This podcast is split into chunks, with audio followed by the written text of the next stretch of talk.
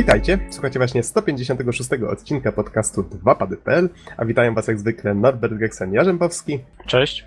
I Bartłomiej Donsot-Tomycyk. Halo, halo. A mówi Adam Nexa 15 Dębski, a dzisiaj mamy piątek 30 maja 2014. I tak jak już od pewnego czasu Bizona nadal z nami nie ma, ale już jest nadzieja, że za tydzień się pojawi, tak powiedział. Zobaczymy, czy się uda. I właściwie, panowie, jak to tak? Zacznijmy może od tego, że witamy tutaj wszystkich, niezależnie czy słuchacie nas na stronie 2pady.pl, czy w radiu y, GRM, czy GRM. I zapraszamy oczywiście na naszą stronę. Pod podcastem znajdziecie linki, y, czy to multimedia związane właśnie z tym, o czym będziemy mówić. I jak zwykle troszeczkę skomentujemy ostatnie nowinki. Będziemy mieli też dwa tematy główne. Znowu będą to pierwsze wrażenia, a nie recenzje. Podobnie jak tydzień temu, tylko tym razem będzie to Watch Dogs i będzie to Mario Kart 8. Czyli te, te, takie nowinki będziemy w tym tygodniu omawiać. No i jak, panowie, to w takim razie w co ostatnio graliście? Powiedzcie, takim standardowym pytaniem może zacznijmy. Okej, okay, więc dobiłem Europę w Napoleonie, grając Polską. W jakim no, sensie dobiłeś? Udało się zawładnąć właśnie całą Europą, no i szybko tą grę... Zniewolił. A to właśnie, może, może przypomnijmy, że tydzień temu żeśmy pod podcastem zamieścili link, poprawnie Don, jeżeli się mylę, link do pliku z save'em, który stworzyłeś, na podstawie jakiegoś moda, dzięki czemu w tym save'ie, nawet nie posiadając tego moda, można zagrać grywalnym księstwem warszawskim, tak? Tak, Dokładnie. po prostu wczytując, kopiując sobie ten plik do pliku, do folderu, w którym Napoleon trzyma zapiski i wczytując ten plik z czystą, niemodyfikowaną grą mamy pierwszą turę z grywalnym księstwem warszawskim. No i w sumie tyle. Tak, tak to działa i mhm. działa to niezawodnie. Cała instrukcja jest spisana pod 155 odcinkiem, więc jakby co to zapraszamy. I przerwałem ci, Norbert, to kontynuuj. Um, I coś miałem dalej powiedzieć? A, no tak, udało się Podbiłeś podbić... Europę. I szybko grę odinstalowałem, ponieważ spędziłem w niej tyle czasu, że stwierdziłem, że to aż niebezpieczne i że pora ruszyć dalej, tak? Ile można grać w jedną grę. Właśnie w tym momencie sprawdzam aż, ile tam przegrałem w to. Sekundka. To, to ja w takim razie tylko tutaj przeproszę, jeżeli byście słyszeli jakiś łomot za oknem, czy coś takiego, akurat juwenalia Uniwersytetu Łódzkiego trwają całkiem niedaleko, więc y, no cóż, sorka taki mamy klimat, że się tak wyrażę. Okej, okay, no to ja w międzyczasie skorzystałem z tego, wykorzystałem ten momencik, żeby sprawdzić i 69 godzin na podbicie całej Europy polską mi się zeszło. Mm. To jakiś rekordowy czas, trzeba przyznać. No, dość, dość szybko, ale wcześniej jakby grałem dużo też w Empire, pewnie z drugie tyle albo i trzecie. No więc dwie gry między sobą się za dużo nie różnią, no i sporo mechanik i taktyk można było przenieść tutaj. Miałem bardziej na myśli, że taki blitzkrieg żeśmy zrobili, tylko w drugą stronę. Okej, okay, to ty grałeś, widzę znowu w Napoleona, Adam? Ja, szczerze powiedziawszy, cały czas gdzieś się tam w tle kręci Saints Row 3. Aha. Jak mam chwilę czasu, to po prostu, po prostu wpadam do gry, żeby zrobić jakiś dodatkowy quest albo po prostu pokręcić się po mieście, bo mam powiedzmy 20 minut i nie ma sensu odpalać nic innego. Natomiast kiedy mam trochę więcej czasu, to ostatnio zaopatrzyłem się w Armę dwójkę i samodzielny do, do niej dodatek Operation Arrowhead, czyli po polsku Operacja Grot. E, no i w zasadzie cała gra polega na tym, że na taki stan, czyli wyimaginowany kraj na Bliskim Wschodzie przeprowadzana jest inwazja NATO w celu bodajże tam obalenia reżimu. E, nie będę się za bardzo rozgadywać na temat tego, jaka jest gra, wchodzić w szczegóły, e, dlatego że no, te wszystkie przemyślenia będą jeszcze niepoukładane i, i być może nawet nieadekwatne w kontekście całej produkcji. Natomiast y, muszę powiedzieć tyle, że, że po pierwsze wgniata w fotel, po drugie jest dosyć wymagająca, y, a po trzecie, y, a po trzecie myślę, że zabiegi, które wykorzystano właśnie w operacji GROT wynoszą całą serię na nowy poziom pod kątem symulacji. W sensie nie tylko musimy na przykład uważać na to, żeby dobrze kierować nieraz zmasowanymi bitwami, operacjami, ale także uważać na różne sposoby, na relacje z, z ludnością cywilną.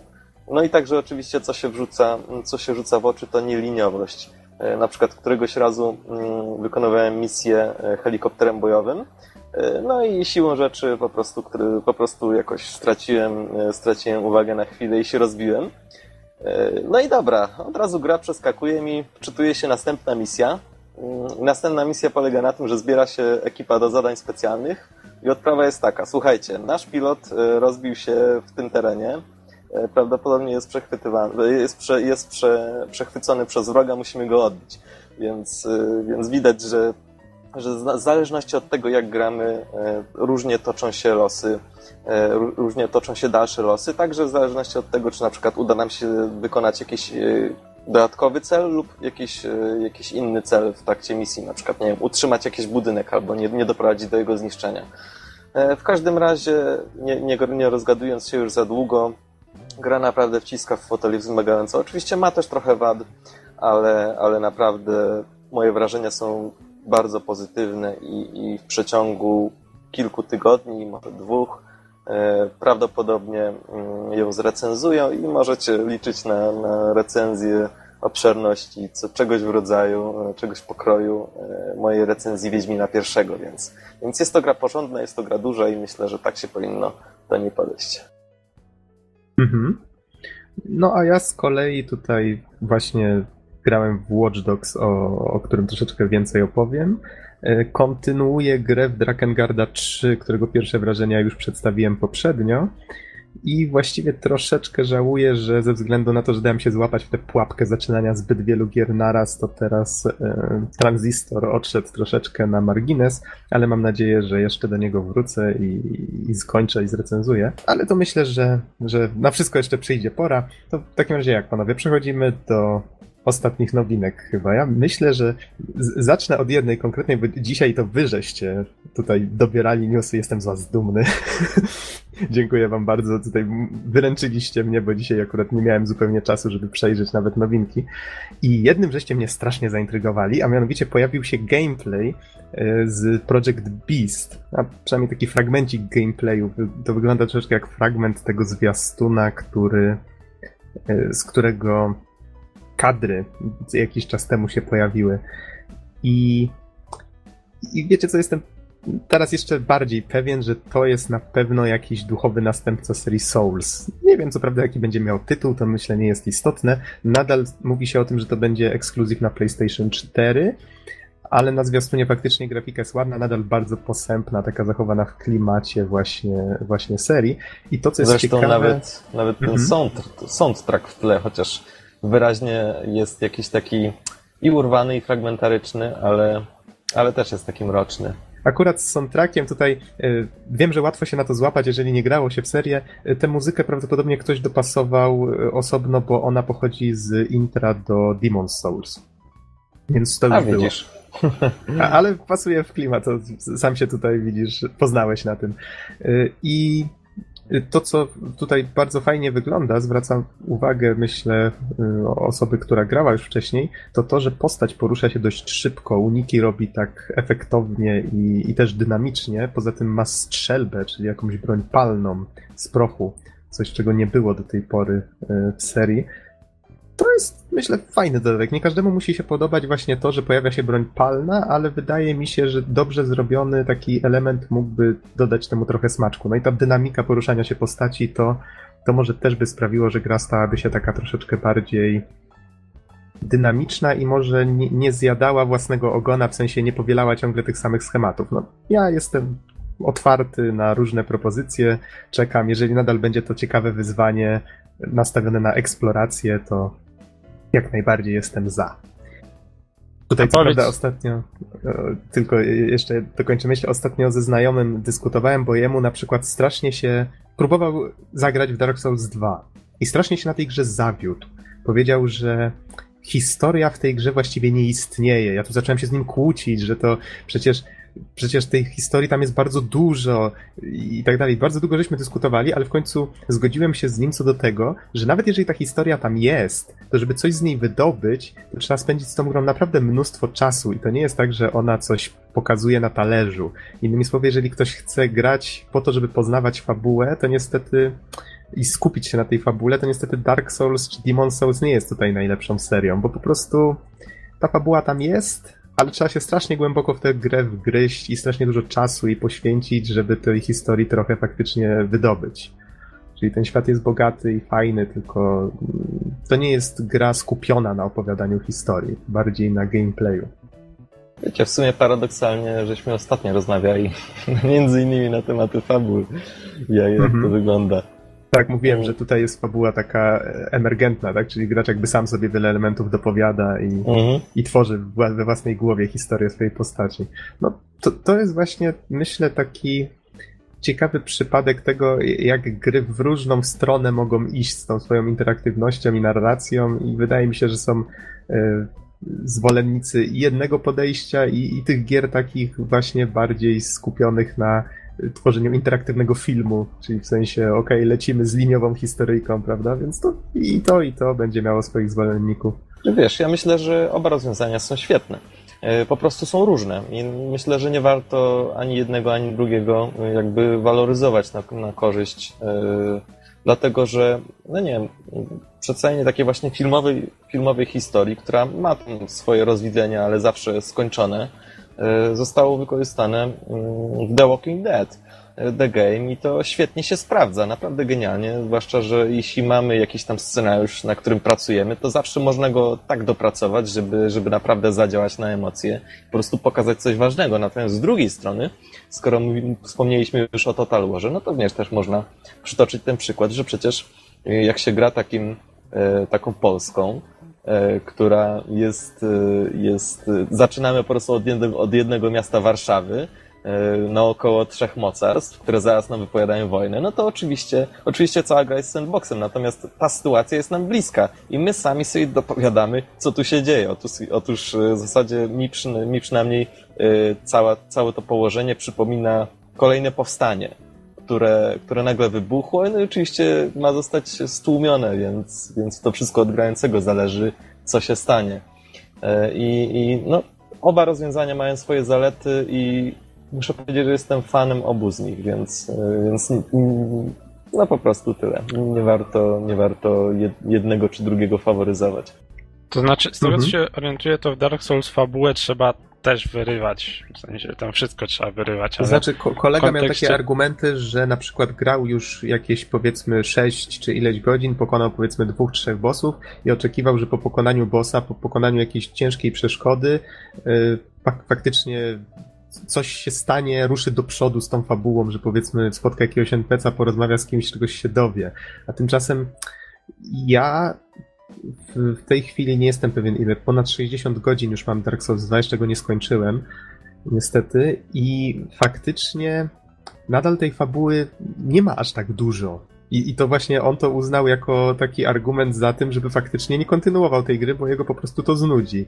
Że ja już gram tak długo, mnie się to po prostu podoba, ta cała eksploracja, to zwiedzanie świata i e, odkrywanie jego elementów i to, to, takie myślenie na zasadzie ciekaw jestem, co jest za następnym zakrętem. No mnie to kręci po prostu w tej grze. A jego po prostu znudziło, bo historia, nawet jak się spotka jakiegoś NPC'a, to on nie wkłada do tej historii znowu tyle od siebie, tam nie ma jakichś rozbudowanych dialogów. Czasami to, co usłyszymy, trzeba albo zinterpretować, albo porównać z jakimiś innymi wypowiedziami i pewnych rzeczy się domyślać. No, to trzeba dużo czasu poświęcić, żeby coś z tego wyciągnąć. Ja myślę, że to jest satysfakcjonujące, jak już się to zrobi, oczywiście. No tylko jeżeli się komuś ten gameplay nie podoba, to, to wydaje mi się, że chyba nie ma sensu się męczyć, bo to nie o to chodzi przecież. Mhm. No Okej, okay, to... a, a, wracając mhm. do, do zmartwienia o broń palną, to mi się mhm. przypomina WoW czy wszystkie inne RPG, gdzie tak naprawdę broń palna, a łuk to nie robi praktycznie żadnej różnicy poza wyglądem. Znaczy, no, teraz oczywiście fani hardkorowi RPGów mnie zjadą, ale generalnie dla... Nie wchodzę w szczegóły, tak? No, jedne są tam szybsze, drugie zadają większe obrażenia, ale mechanika działania jest tak ta sama i jakby taki przeciętny użytkownik tego nie odczuwa. Jeszcze zależy, jak to się zbalansuje. No to wcale nie musi robić z gry shootera, prawda? To może być po prostu dobry zabieg stylistyczny. No, mhm. będzie działać tak samo jak łuk, krótko mówiąc, tylko będzie na przykład zadawać większe obrażenia, a mieć krótsze przeładowanie. Mhm. W serii Souls na były jeszcze... E, no, no. Mhm. Albo na przykład jeśli, e, jeśli to działa na, na, takiej zasadzie, mm, że bohater na krótko wyciąga na przykład strzelbę, strzela i ją chowa no, i dalej posługuje się mieczem, to, to dosłownie tak samo jak na przykład jakiś czar. Więc, więc tak jak mówię, w sumie jest to kwestia stylistyki.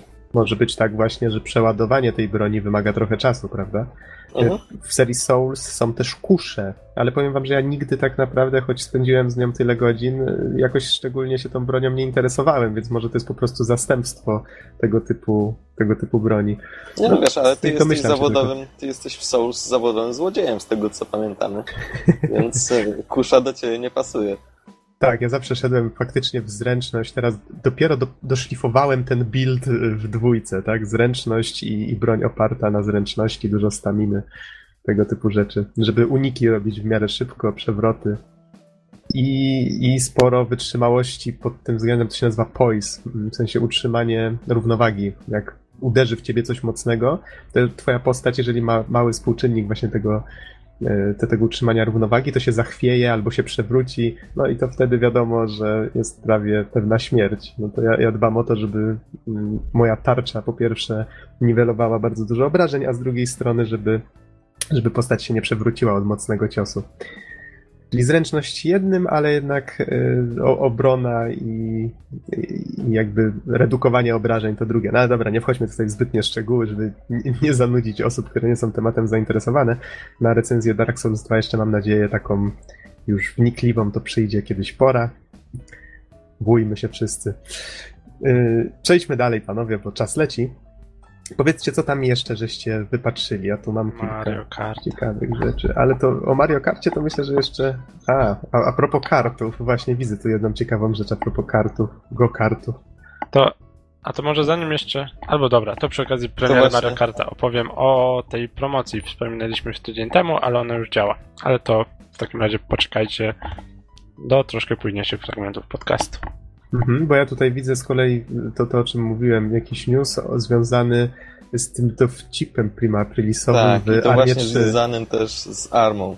Czyli mhm. mamy płynne przejście cały czas, albo płynne przeskoki, jakby to powiedzieć. Badem. W każdym razie mm, żart pierwszokwietniowy być, mo- pierwszokwietniowy, być może część z Was go jeszcze pamięta, e, przedstawiał właśnie karty e, w armię. E, z zabawną narracją. No i po prostu cały ten żart e, spodobał się graczom tak bardzo, że no właśnie, wyszedł dodatek do army, e, w którym właśnie są dostępne go karty. No i w sumie to tyle. Czyli będzie można po polu bitwy jeździć go karty. Znaczy wiesz, generalnie arma to już dawno stała się, wydaje, ma takie możliwości, żeby mogła być symulatorem życia dosłownie. Dlatego, że na przykład w drugiej części E, jest, jest też taka opcja, jest taka misja. E, miasto takie i takie na wschodnim, na Bliskim Wschodzie pokojowo. No i po prostu można przechadzać się po tym mieście, jeździć z pojazdem, nic się nie dzieje. Więc... A poza tym Daisy też, też jest dowodem na to, że, że ten silnik daje ogromne możliwości, nie tylko jeśli chodzi o o działania czysto militarne. Dopóki w jakiejś A... grze nie będzie można nakarmić wiewiórki z ręki, to nie stwierdzam, że jest symulatorem życia. Przykro mi bardzo. Ale nie wiem, czy graliście w Resistance, to jeszcze było w Operation Flashpoint, jeden z dodatków. I tam e, zaczynało się od tego, w Resistance było się partyzantem. Ale gra zaczynała się od tego, że byliśmy zwykłym cywilem. Naszym celem było wsiąść sobie do autobusu, wrócić z pracy do domu, Dopiero za chwilę zaczynała się wojna, która przychodziła do nas i, i cała historia tego, jak zostaliśmy tym partyzantem, jak to nas najechali i tak dalej, i tak dalej, więc... Całkiem fajny pomysł. No, ale pamiętam, że... Fajnie zrobione. Bolączką akurat Operation Flashpoint i Army jedynki było to, że, że strasznie przedłużały się cutscenki przed misjami. To tak naprawdę bardzo. Y, więc, więc no, normalnie jechało się tym autobusem w skali 1 do 1, 2 kilometry.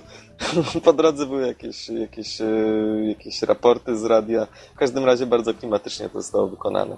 No i mogę jeszcze wspomnieć a propos tego symulatora życia, że właśnie na silniku Operation Flashpoint powstał symulator życia którym możemy, y, możemy się mm, podjąć różnego rodzaju pracy, na przykład kierowca autobusu i tak dalej, i tak dalej, zyskując nowe poziomy, kupując nowe domy, także no, dużo rzeczy da się z tym zrobić. Mhm. No dobrze, myślę, że możemy w takim razie przejść dalej. A co my tutaj jeszcze mamy? To ja mam wybierać, czy wy chcecie przejąć, przejąć inicjatywę? Jest tu taki fajny news. Y, konkretniej takie ploteczki o kontynuacjach Red Dead y, Redemption i Bioshock. Mhm. No to co tam ciekawego w związku z tym? Mm, szef Take-Two powiedział o kilku, mm, kilku seriach, które są stałe, to znaczy na przykład, i tutaj zacytuję, wydaje mi się, że wiem, które cykle są tymi stałymi. Oczywistym jest, że GTA jest właśnie taką marką, przynajmniej do czasu, aż będziemy dostarczać graczom, graczom produkcję wysokiej jakości. E, podobnie wygląda sytuacja w przypadku Red Dead lub Borderlands czy NBA. No, innymi słowy, skoro wspomniał o Red Dead jako, jako e, produkcji stałej, no to można w sumie e, można się w sumie domyślać, że, że w takim razie być może powstanie jej sequel, chociaż to bardziej na zasadzie plotki. No ale jeśli stała marka, mhm. no to być może coś wykombinują. W każdym razie mm, myślę, że bardziej poruszająca e, jest, jest w tej części newsa właśnie fragment poświęcony Bioshockowi. Nie wiem, czy, czy masz go otwartego, czy chciałbyś na ten tak, temat tak. coś powiedzieć, bo ty Widzę... jesteś specjalistą od tej serii. No. I właśnie nie wiem, czy ty, nie wiem, czy ostatnio podczas swojej recenzji mm -hmm. nie mhm. wspominałeś, że to jest taka właśnie doskonała konkluzja tego wszystkiego. E, tak, że twórcy z Irrational faktycznie z Burial at Sea domknęli wszystko, co sami w tej serii stworzyli, czyli jedynka, Y, i właśnie Bioshock Infinite i właśnie w tych dwóch dodatkach, dwuczęściowym dodatku Burial at Sea domknęli jakby historię obu tych gier, więc to jakoś tak się fajnie zazębiło. Y, I w tej chwili Irrational Games ma przestać istnieć tutaj ze względu na to, że Ken Levin stwierdził, że, że ma zamiar tworzyć mniejsze tytuły, bardziej eksperymentalne. Co prawda 2K y, postanowiło, czy, czy Take-Two właśnie, że, że go zatrzymają jakby w, w w swoich studiach.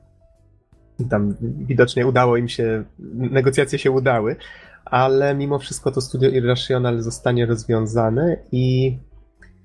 Kontynuacją Bioshocka -hmm. zajmie się 2K Marine, czyli twórcy Bioshocka 2. I właśnie e, jeśli wierzyć newsowi CD Action, to właśnie druga część e, wywołała wśród fanów właśnie takie mieszane uczucia w nieco większym stopniu niż Infinite. No i właśnie być może niektórym może się nie podobać ten fakt. Nie wiem, jak, jak ty byś na to zareagował, bo w końcu jesteś osobą, która e, ze wszystkimi tymi częściami miała do czynienia. Mhm.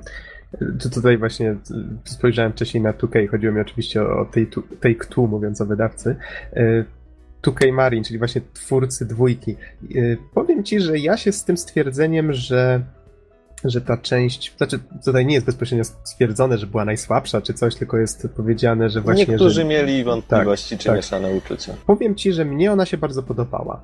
Ona była solidnie zrobiona, fajnie, z pomysłem i bardzo mi się fajnie w dwójkę grało. Co prawda przeszedłem ją tylko raz, jedynkę tam chyba ze dwa razy przynajmniej. A, ale bardzo miło wspominam dwójkę. Pamiętam, że mia miała kilka bardzo fajnych pomysłów też pod koniec, to jest jakby tutaj takie kluczowe w tej serii, żeby troszeczkę jakby tą czwartą ścianę w taki bardzo sprytny sposób spróbować troszeczkę zniszczyć i zburzyć i, i myślę, że tutaj też się to e, w ciekawy sposób udało no, nie widzę jakby przeszkód. Co prawda zastanawiam się, co oni zrobią, bo nie chcę tutaj wchodzić w szczegóły, bo tu oczywiście musiałbym troszeczkę o fabule opowiadać, takich może troszeczkę spoilerowskich rzeczach, ale yy, zastanawiam się, czy właśnie będą kontynuować to, co Irrational stworzyło. No na pewno mają tutaj duży, bogaty świat. Czy może będą próbowali coś rebootować yy, w jakiś taki z własną wizją? No zobaczymy. Mają, myślę, duże pole do popisu. Z kolei mnie się wydało jeszcze w tym newsie ciekawe, że właśnie Red Dead będzie miało być może swoją kontynuację, bo Red Dead Redemption wiele osób mi polecało jako grę, w którą koniecznie trzeba zagrać. Przypomnę, że to jest ten, e, ten western z otwartym światem, taki troszeczkę GTA na dzikim zachodzie. Oczywiście z zombie, z tego co pamiętam. zombie były w jakimś tam dodatku w formie takiego żartu. To ponoć całkiem fajnie też to wyszło, ale ale ja w sumie tylko, gra tylko z ponoć... tego pamiętam Aha. ten tytuł, właśnie ze względu na zombie na Dzikim gra... Zachodzie. Mhm. No pomysł jest dość intrygujący, ale tak pomijając tam gra nie ma z zombie sama gra, główna kampania nie ma z zombie nic kompletnie o. wspólnego, ale ponoć jest bardzo fajną taką historią, dość czy to dramatyczną, czy czasem y, wesołą, czy, czy no ogólnie rzecz biorąc ponoć bardzo fajnie się Y, bardzo fajnie jest tam historia poprowadzona i chciałbym kiedyś faktycznie ją poznać. Więc myślę, że są ludzie, którzy czekają na jakąś ewentualną kontynuację, skoro aż gra taki sukces odniosła. No ale okej, okay, nie mam zbytnio tutaj nic więcej do dodania na ten temat, musiałbym po prostu grę zagrać, więc jeżeli wy też nie macie, to chyba możemy lecieć dalej. I co my tutaj mamy ciekawego? Widzę, że żeście wygrzebali news a propos y, tego, jak idą prace nad Unreal Tournament. To jest dość ciekawe, że, że gra y, tak seria, która się kojarzy z tak dużym budżetem, w tej chwili właściwie powstaje od zera i są pokazywane takie krótkie fragmenciki, jak coś powstało. Powiem wam, że to, co tutaj widać na tym filmiku, czyli jakaś tam arena prosta, jakieś boksy, które można potrącić i powiedzmy fizyka działa na nie i one powiedzmy tam, wiecie, odskakują jak jakieś pudełka czy coś takiego. Wiecie, i, i jeszcze animacje niedokończone i tak dalej, i tak jest, dalej. Tak właściwie y, jako osoba, która y, ma Unreala na dysku, ja faktycznie zapoznaję się z tymi narzędziami, powiem wam, że jedyna rzecz, która właściwie, nie wiem jak postacie, bo ciężko się przyjrzeć, ale jedyna rzecz nowa, której nie ma w tym silniku od tak z domysłu, to jest ta broń, którą tutaj widać i którą znają na pewno fani.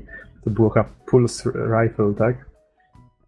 Ta, która umożliwia drugim trybem wystrzelenie tej kuli, w którą można było potem strzelić z lewego, powodując eksplozję. Myślę, że wiele osób kojarzy tę broń. E, no to w każdym razie to jest nadal taki właściwie prototyp, w którym no i jedną broń testują, więc to, to jest naprawdę takie tworzenie gry kroczek po kroczku razem z fanami. No Wiesz, coś, ja myślę, że, coś niespotykanego do tej pory chyba na tą skalę. W tym pokazywaniu jest raczej więcej, więcej promocji samej akcji. W mhm. sensie zrobić, e, zrobić trochę po pierwsze szumu wokół całości, e, a po drugie, mm, po drugie zrobić drugie tyle szumu e, poprzez fakt, że hej, robi, robimy tą grę z wami, możecie faktycznie zobaczyć, co my tutaj mamy, E, i, i mieć na to jakiś wpływ. Więc e, ja mhm. pamiętam Unreala, tego starego, starego jeszcze się grało. E, natomiast ciekawi mnie w ogóle, mm, ciekawi mnie ten zabieg. Tworzymy grę z fanami. Szczerze powiedziawszy, obecnie mm, w branży bardzo dużo jest tego typu akcji. Nie wiem, czy zwróciliście uwagę, które właśnie kładą duży nacisk na, na jakieś tworzenie gry z fanami, jakiś ciągły kontakt ze społecznością. E, no, pewnie ma to związek z tym, że po prostu teraz te wszystkie społeczności są bardzo aktywne przez różne portale i jakby jest to odpowiedź na to. Znaczy, być myślę, może, że. Być może myślę... tak właśnie będzie wyglądać e, marketing mhm. w przyszłości, może jeszcze bardziej intensywnie, że. No, tak to on wygląda. Już, on już w tej chwili tak wygląda, bo zwróć uwagę, one zawsze były takie aktywne, te społeczności. Po prostu w tej chwili ktoś zauważył w tym potencjał na tyle duży, że postanowił wykorzystać to. Myślę, że Kickstarter tu miał dużo do powiedzenia. Postanowił to wykorzystać na swoją korzyść. Wiesz, bo... nie tylko to. Wydaje mhm. mi się, że też na przykład Steam, który, no powiedzmy sobie szczerze, jest wielką bazą graczy, którzy są aktywni i teraz ma te wszystkie funkcje społecznościowe, jak baza gier, centrum gry danej, na przykład można wrzucać screeny, dyskusje, poradniki i to wszystko jakby cały czas aktywuje, aktywizuje te, te całe rzesze graczy. Mhm. No tak, bo no i... trzeba spojrzeć na to, że scena moderska, czy to tutaj do gier Valve, czy do, do gier właśnie od Epica, to ona zawsze istniała, prawda? Tam mapy, czy różne mody, to się zawsze pojawiało. Potem na Steamie faktycznie Valve poszło w taką stronę jakby współtworzenia gry z graczami na takiej zasadzie, że mogli dodatkowe przedmioty do Team Fortress 2 robić, to nadal istnieje, ludzie mogą sprzedawać nawet te przedmioty, co jest oczywiście tutaj dodatkową zachętą do tego, żeby to robić. No i Epic poszło w tę samą stronę. No to jest, jest ciekawy, ciekawy pomysł. Myślę, że oni tutaj popchnęli to jeszcze dalej do przodu. W każdym razie to tak myślę jako taka bardziej ciekawostka. A z Wiecie kolei co, a propos, ten, mhm. a propos a propos zbliżenia e, produkcji gry do graczy, to w sumie przypomniał mi się taki żart, e, że, mm, że jak to dawniej wyglądało, że gotowa gra to w sumie był taki obraz Mona Lisa, prawda? I, i, i, jeśli były jakieś dodatki, no to, to był powiedzmy drugi obraz Dama z łasiczką i powiedzmy jakiś tam jeszcze trzeci słynny, prawda? Później to, to wygląda tak, że, mm, że w sumie gotowa gra, no to jest taka Mona Lisa z wyciętym fragmentem twarzy, E, a DLC to, jest, to są właśnie te fragmenty twarzy. Teraz obecnie jak to wygląda, e, że właśnie gra e, jest takim szkicem Monalizy z dopiskiem obiecuję, że skończę tą grę. tak, albo sukienka będzie tutaj. Z taką strzałką. A ja ostrzegałem już od lat. Jak przed, taki stary dziad teraz się czuje, który tak ostrzegał. Jak chodziły pierwsze DLC, To ja już Aha. mówiłem, że tak to się skończy. No i powoli mamy ten moment. Ale co? mówiłeś, że jak się skończy, w sensie... No, że nie będzie nic z tego dobrego, że niestety jakby nacisk kładziony na DLC Aha. jest coraz większy i większy. Jeszcze przypomniał mi się jeden taki żart, który w sumie bardziej krąży wokół twórców indie. E, to w zasadzie polega na tym, że tam jest jakaś gra z, z lat 80., taka wiecie, pikselowana, ale ale nawet wtedy za pomocą pixel artu oddawano naprawdę skomplikowane krajobrazy, dużo szczegółowych animacji, y, może trochę później. W każdym razie był to mniej więcej ten okres. Y, I po prostu gry, mimo tego, że były złożone z pikseli, to jednak faktycznie jakoś świetnie wyglądały. Potem, mm, potem był e, zrzut ekranu z gry z 2014 roku y, w coś pokroju MacPixela, czyli jeszcze prostszą grafiką. I później takie przewidywania na przyszłość 2030 i tam ludek składający się z trzech pikseli i po prostu taki dymek powiedzmy dialogowy i tam są dwie kropki. Tak, widziałem to. Trochę przykre. To, to chyba była gra, ta, ta w środku to chyba była Last Doors? Tak, nie jestem tak. pewien. No, no właśnie, ta przygodówka, to, to mo słuchacze mogą sobie wygooglać. Last Doors, można na Google ją znaleźć. Ona faktycznie ma taki pixel art z, z tak małą rozdzielczością, że ja nie wiem, jak można w to grać na dużym ekranie. Ja trzeba się odsunąć bardzo daleko. To, to wszystko ma troszeczkę przegięcie. Mm, ale wydaje mi się, że z kolei Wiecie, próbowałem ostatnio, musiałem co prawda na zajęcia, na zaliczenie coś takiego zrobić, takie ćwiczenie, yy, zrobić samemu jakiś pixel art. No stwierdziłem, ok, fajna motywacja, żeby faktycznie w końcu coś takiego spróbować zrobić. I zauważyłem, że im większe ograniczenia sobie człowiek narzuci, robiąc taki pixel art, tym lepiej mu to wychodzi. Ok, przyjąłem Zależy... sobie, że Zależy, mhm. co masz na myśli mówiąc ograniczenia. Na przykład, ważna jest rozdzielczość i mhm. ilość kolorów. Te, te dwie sprawy, zwłaszcza ilość kolorów, są bardzo krytyczne, dlatego że mając do dyspozycji, do dyspozycji nawet 5 10 kolorów, to, to jest praktycznie w wielu pracach maksimum. Mhm. W pixelarcie ważne jest to, ważna jest precyzja i ważne jest y, rozdysponowanie wszystkich tych kolorów w dobry sposób. No bo na dobrą sprawę, jeśli ktoś jest niedoświadczony, to wtedy jego praca będzie mieć 60 kolorów i nawet więcej. Natomiast nawet z trzema, czterema można, można poczynić cuda. Mhm. Ja tu akurat nie, nie narzucałem sobie ograniczeń, jeżeli chodzi o kolory. Co prawda przygotowałem sobie jakąś paletę, bo wiedziałem, że wtedy będzie mi prościej, e, ale chodziło mi tu zwłaszcza o ograniczenie rozdzielczości, bo jak się zacznie na jakiejś olbrzymiej palecie i nagle, znaczy olbrzymim obrazku i nagle człowiek sobie pomyśli, a dobra, to tutaj będę miał więcej przestrzeni, to coś wymyślę, to jest bardzo złe założenie. Trzeba po prostu sobie strasznie malutki ten obrazek stworzyć i zastanowić się, jak w 100% wykorzystać tę przestrzeń. I wtedy faktycznie zaczyna coś wychodzić ładnego i to jest, to jest całkiem fajne. Bo wiem, Don, że ty, e, ty masz już doświadczenie troszeczkę, prawda, w pixelarcie. Trochę tak, zwłaszcza na potrzeby swoich gier. I, no i tak to wygląda. Ja miałem swego czasu kontakty z takimi pixelartystami z prawdziwego zdarzenia. E, I w sumie nawet chyba pod podcast wrzucimy link. E, jest taki portal pixart.pl. On powinien jeszcze istnieć. Po prostu tam cała śmietanka dosłownie polskiego pixelartu e, potrafi pokazać, że, że dosłownie obrazki stworzone dosłownie w rozdzielczości 1024 na 768, na przykład z portretem czyimś, są wykonane w Paincie, a wyglądają jakby na przykład były, nie wiem, rysowane z jakimś Photoshopie z odpowiednim filtrem, więc no, jest to sprawa bardzo skomplikowana. Ja osobiście e, muszę przyznać, że jestem w tych sprawach trochę za krótki e, na tego typu rzeczy, ale, ale jakieś drobne grafiki na, na potrzeby jakichś dwuwymiarowych gier platformowych czy zręcznościowych, no to w sumie jest to do zrobienia. Po prostu ważna jest ta sprawa kolorystyki, no i mała rozdzielczość, no i przy tym akurat ważna jest sprawa animacji. Jest nawet taki program, który, który jest y, następcą Painta. Y, kurczę, nie pamiętam teraz jego nazwy. W każdym razie on ma wszystkie właśnie te zalety Photoshopa, w sensie warstwy, obracanie obiektów i tak dalej. Natomiast wciąż jest to, wciąż operujemy na pikselach. Ja osobiście muszę się przyznać, że z Windowsa XP skopiowałem MS Paint Exe skopiowałem go sobie po prostu do Windowsa 7 i działa. Z niego korzystam, jeśli, jeśli siedzę w pixelarcie. Mhm.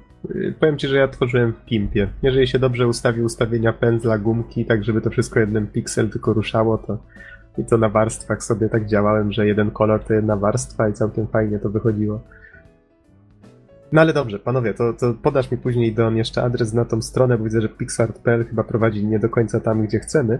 To później jeszcze, jeszcze podasz, e, żebyśmy mogli wrzucić pod podcast. Lecimy dalej, bo czas nas goni. Widzę, że jeszcze wrzuciliście taki ciekawy news. Widzę, że wszystkie newsy są dzisiaj z cdaction.pl. Nie, nie, czekaj. Jest http pix.art.pl A, to ja napisałem Działa. razem. To ja napisałem razem, sorka, już. A to przepraszam, razie. przepraszam za wprowadzenie błąd. W każdym razie ten link tak czy siak znajdzie się pod podcastem. Mm -hmm. Warto, naprawdę okay. warto zajrzeć. Dobra, już zanotowałem. E, kolejny news, taki w sumie dość ciekawy, bo ze względu na, e, na premierę Super Smash Brosa nowego, niedługo na Wii U ma się ukazać coś w rodzaju takiej przystawki, która pozwoli na podłączanie padów do GameCube'a, które wiele osób uważa za najwygodniejsze na świecie. No tutaj można się oczywiście sprzeczać. Ja tam miałem może ze cztery razy w ręku tego pada. Nie zdążyłem się do niego zbytnio przyzwyczaić nawet. Może coś w tym jest, może nie, ciężko mi powiedzieć. A wiesz czemu akurat te pady? Mhm. Nie wiem, czy pamiętasz, jak jakiś podcast dwa temu wspominałem właśnie o tym, że na zachodzie ta gra jest bardzo popularna, no i odbywają się turnieje za gruby hajs. E, I właśnie, właśnie te pady są najbardziej y, oblegane w trakcie tych zawodów, tak? No, dokładnie, że te pady GameCube'owe mhm. i ta seria Game...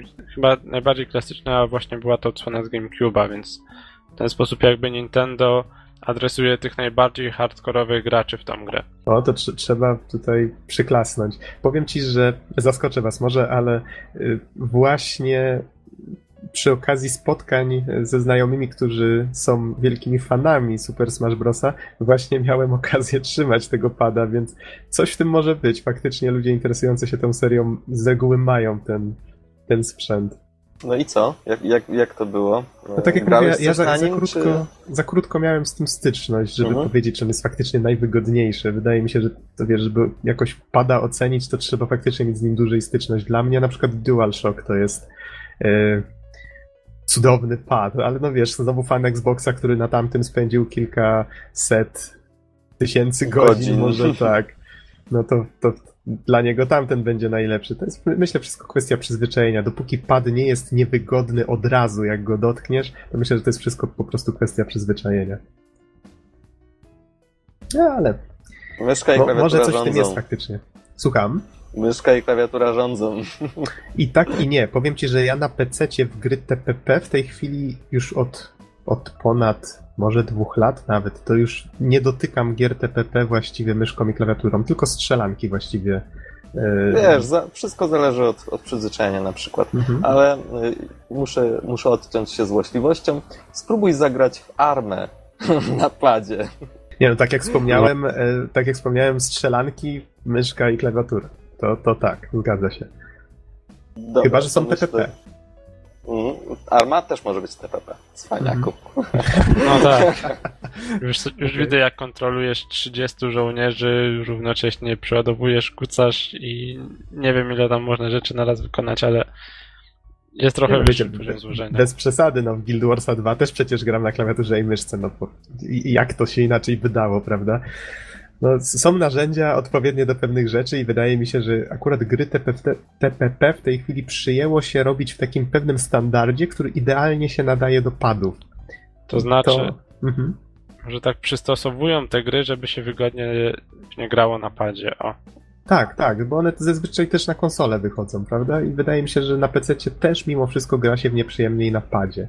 No ale dobra, to zostawmy już ten temat. Tak jak mówię, to jest troszeczkę tutaj kwestia gustu i przyzwyczajenia.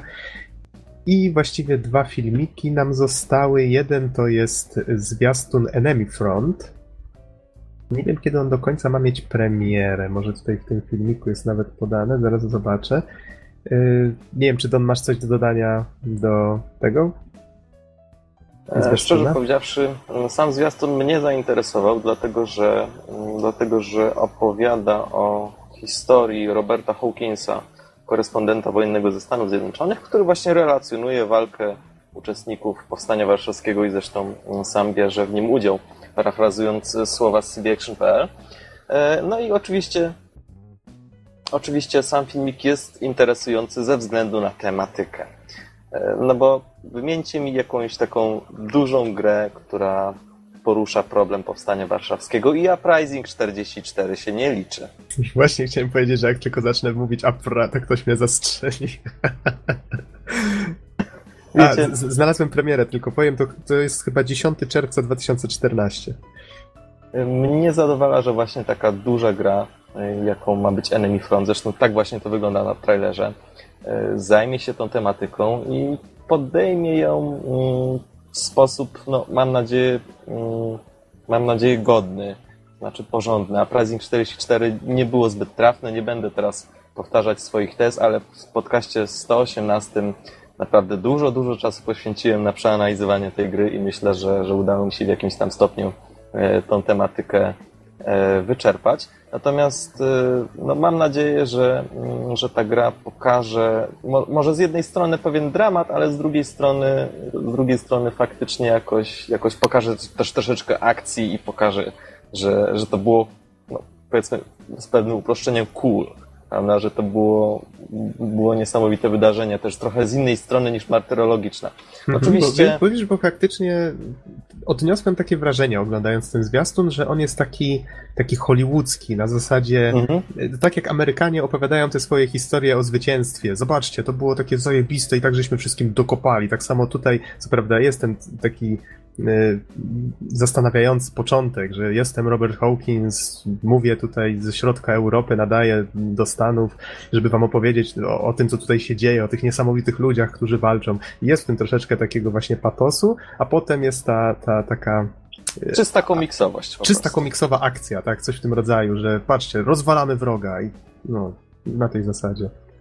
Znaczy, nie zrozumcie mnie źle. Uważam, że tego typu wydarzenia, co zresztą właśnie podczas mojej recenzji e, Uprising 44 wyszło, że tego typu wydarzenia powinny, powinny też spotkać się z taką, no powiedzmy sobie szczerze, głębszą refleksją, e, która oddałaby hołd nawet, powiedziałbym w ten sposób, bez przesady, osób, które brały udział w sposób bezpośredni w tych wydarzeniach, albo chociaż je jakoś obserwowały z bliska.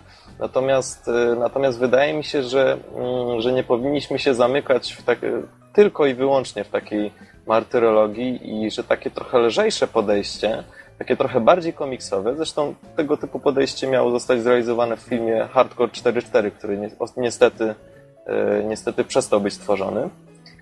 E, to był film, mm, którego reżyserem był pan Bagiński, ta sama osoba od tych wszystkich słynnych filmów e, krótkometrażowych. On też stworzył intro. Tak, Platisz i Masz. On też stworzył E, intro do Wiedźmina jedynki i outro i z tego co wiem, to chyba do, to intro w, re, w edycji rozszerzonej też było jego autorstwa, ale za to głowy dać nie dam. W każdym razie wydaje mi się, że właśnie takie komiksowe podejście y, może, może też troszeczkę zmienić jakby trochę oswoić tą tematykę, także y, dla zachodnich odbiorców, y, no i też pokazać Polaków z trochę innej strony, że jako naród, który nie tylko potrafi się zerwać do walki, ale też faktycznie wygrać. E, no i oczywiście, chociaż powstanie warszawskie e, nie było mm, zwycięskim zrywem, ale ostatecznie wydaje mi się, że, że takie podejście inne od martyrologicznego e, jest, jest dosyć, dosyć cenne, dlatego że nie ma zbyt ich wielu. Mhm. A tutaj jeszcze dodam, że na zwiastunie widać loga Xboxa 360, PS3, PC i widać, że gra została stworzona na CryEngine.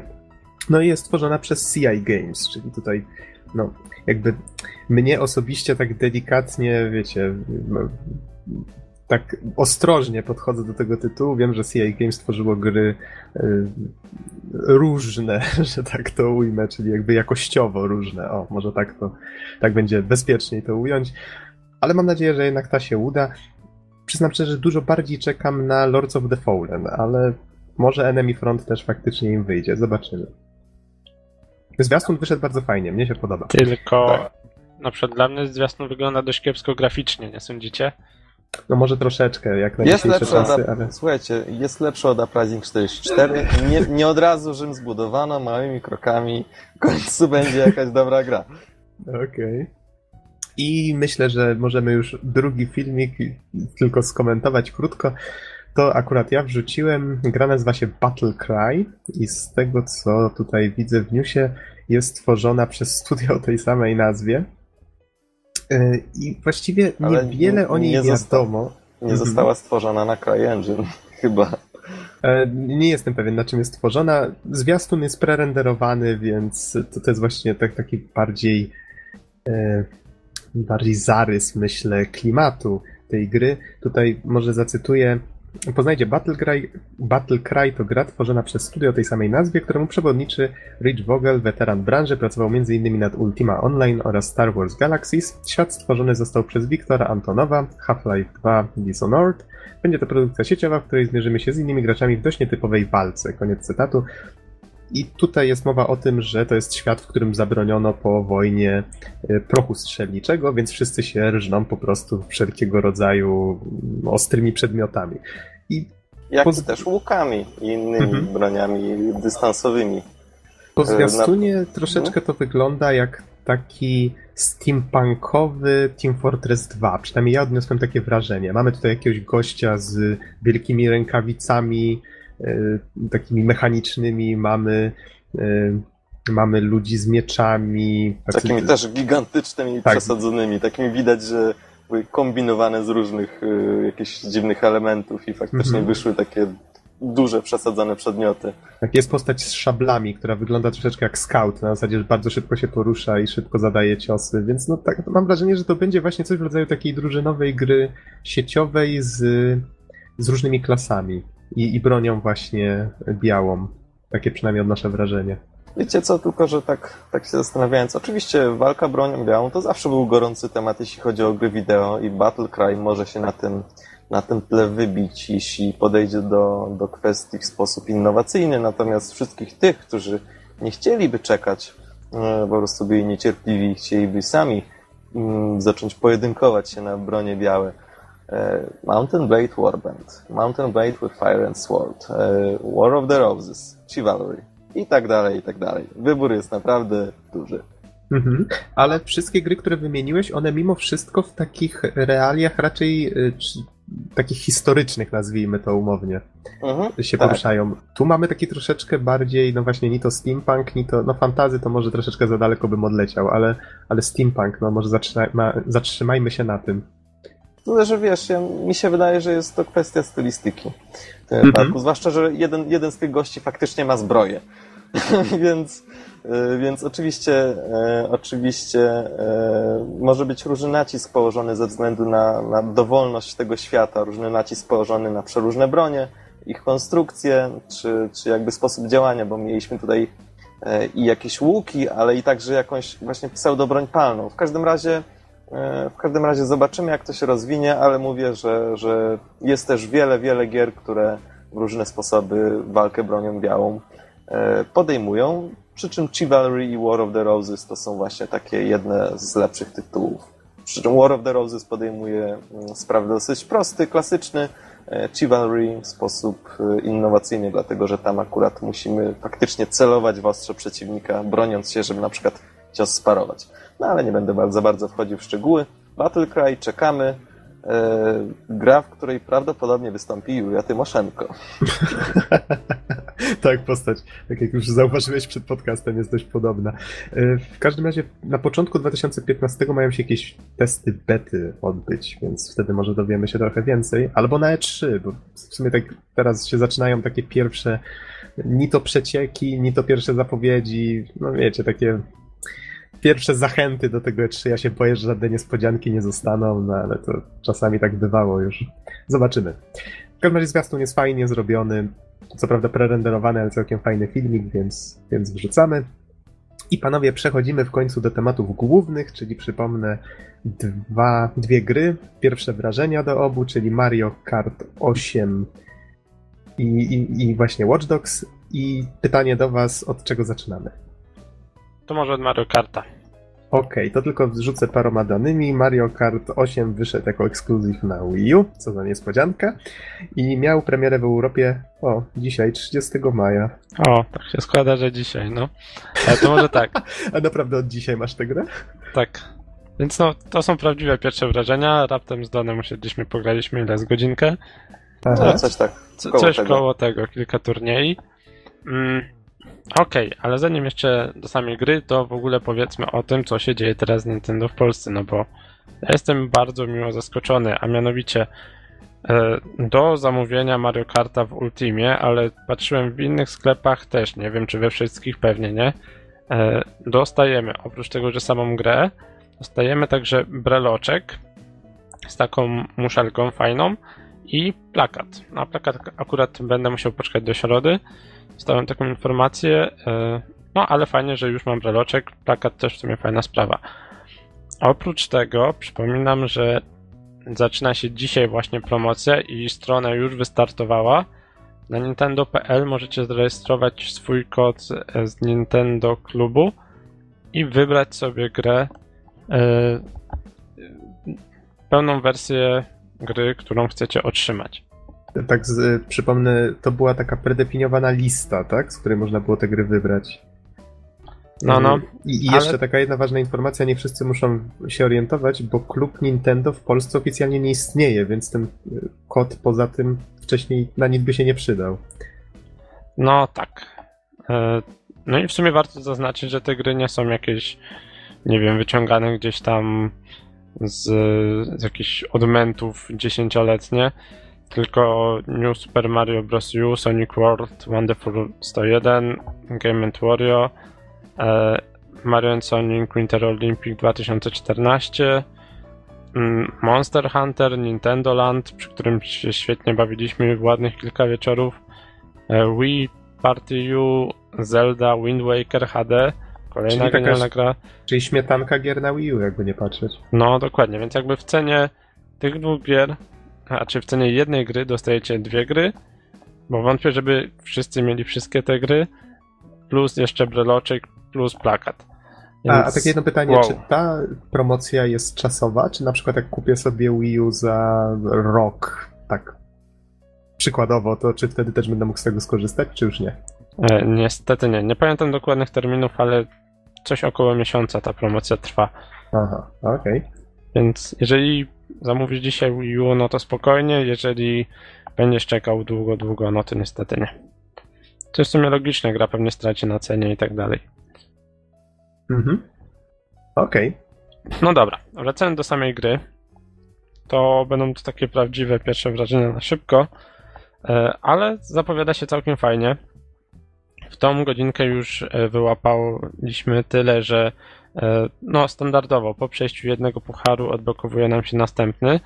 Podobnie jak w Mario Karcie 7 za monetki dostajemy ulepszenia do naszych samochodów i dodatkowo e, udało nam się odblokować jedną postać. Najpierw mamy taki, e, taki grid 9 mm, z dziewięcioma postaciami do wyboru, taką tabelkę. I po odblokowaniu nowej postaci nagle się okazało, że jest ich 16. Po prostu ta nasza tabelka rozrosła się o dodatkową kolumnę i wiersz, więc e, będzie ich dużo więcej. Trzeba się tylko postarać. Pewnie za każdy turniej zaliczony w złocie dostaje się nową postać. Mm, co jeszcze? Doszło jeżdżenie po ścianach jakimiś takimi hoverboardami. E, czyli jeżeli w pewnym momencie zaczynamy jechać jakoś tak bardziej pionowo albo po ścianie, no to wtedy nasz samochód zamienia się w taki hoverboard. Przypomnę, Czyli że... innymi słowy, przepraszam, że ci przerwę, no, no. Y, warto było czekać od lat 80. Y, pierwszy od, od zapowiedzi tego urządzenia w powrocie do przyszłości. Hoverboard, tak? To znaczy, nie do końca, no, znaczy nie do końca hoverboard, tylko taki jakby... Hover wheel. Hover wheel, o właśnie, coś ten deseń. Mm, Okej. Okay. Co jeszcze z takich nowości? No jeżeli ktoś grał mhm. w Mario Kart 7, to takie rzeczy jak pod wodą, wyścigi czy lotnie już zna. To także widać tutaj. W sumie niektóre nawet tory ze starego Mario Karta się znalazły. To już w sumie taka tradycja, że pierwsze cztery puchary są to nowe tory, e, a kolejne cztery puchary to są jakby remake'i starych tras ze starych Mario Kartów, więc widziałem, że właśnie niektóre są jeszcze od czasów tych starych, może nie SNESów, ale w sumie nie patrzyłem, ale na pewno są jakieś z GameCube'a. Mm, No i są też gry na, raczej planszy na przykład z Mario Karta, które widzieliśmy na 3DS-a. Więc taki miły akcent.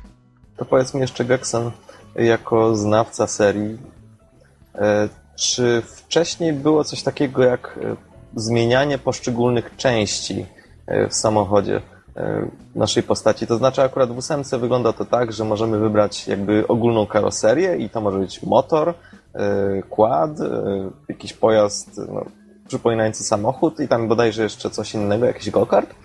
Możemy zmienić także koła, a także, a także sposób, w jaki, w jaki potrafi szybować, to znaczy za pomocą paralotni, E, za pomocą balonu i tak dalej, i tak dalej. Każda z tych, e, każdy z tych elementów e, ma ileś tam, mm, ileś tam wersji alternatywnych i każda z nich po prostu wpływa na przykład na zwrotność, przyspieszenie i tak dalej, i tak dalej. Nie wiem po prostu, czy, czy to wystąpiło jakoś we wcześniejszych częściach, ale wydaje mi się, że chyba nie. To było już w tej odsłonie Mario Karta na Mario Kart 7, czyli... Son of a bitch. Yeah.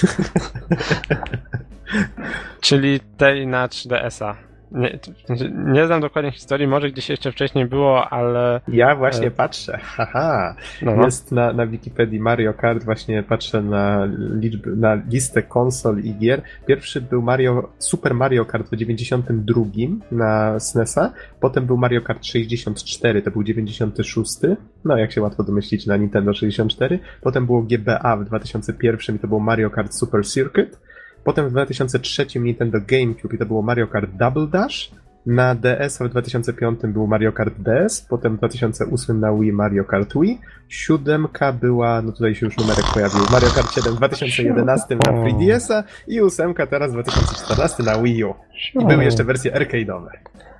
No okej, okay. w każdym razie wracając... I tak na pewno nikt nic nie zapamięta. Było tego dużo, i trochę nowości tutaj weszło. E, to może tak, wracając do tego, co jeszcze nowe widziałem oprócz tego latania, no to są nowe bonusy. E, boomerang, który możemy rzucić kilka razy, leci przed siebie e, i wraca do nas z powrotem, o ile się nic nie zatrzyma. Coś, co się nazywa Superhorn, czyli taki klakson, który wszystko naokoło nas jakby niszczy. I oprócz tego taka charakterystyczna roślinka, która wszystko zjada w Mario. I ona nam towarzyszy tak samo przez jakiś czas, podgryzając wrogów, jeżeli podjedziemy blisko nich.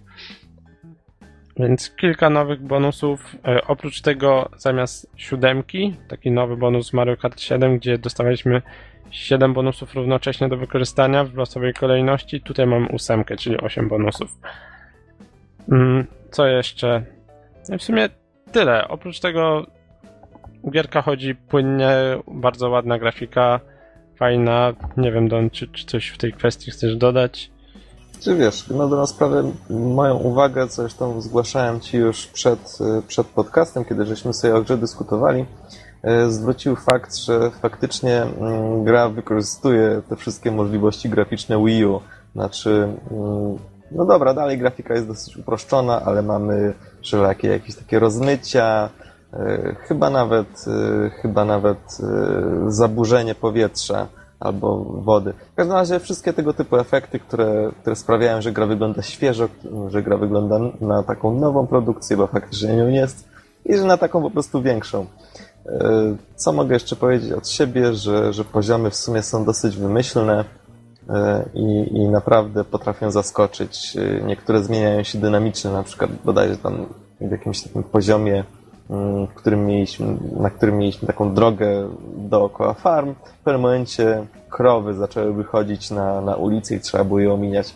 Więc, więc poziomy naprawdę przykuły moją uwagę. Niektóre z nich się zmieniały, inne po prostu miały dosyć nietypową konstrukcję, na przykład, nie wiem, balon wody, w po prostu się wjeżdżało i, i, i w ten sposób e, no, ścigało się pod wodą. Albo na przykład e, wszelakie tego typu zabiegi, że mamy wyskocznie i po, po właśnie wprowadzeniu swojego pojazdu w lot uruchamia się jego lotnie i możemy szybować, więc, więc tego, typu, tego typu zabiegi sprawiają, że, że gra jest dynamiczniejsza i, i że faktycznie można na ileś tam sposobów podejść do, do, do jakiejś trasy, do, do danego okrążenia, chociaż z, tym, z tą ilością sposobów też bym nie, nie przesadzał, ale, ale faktycznie jakieś takie urozmaicenia się pojawiają.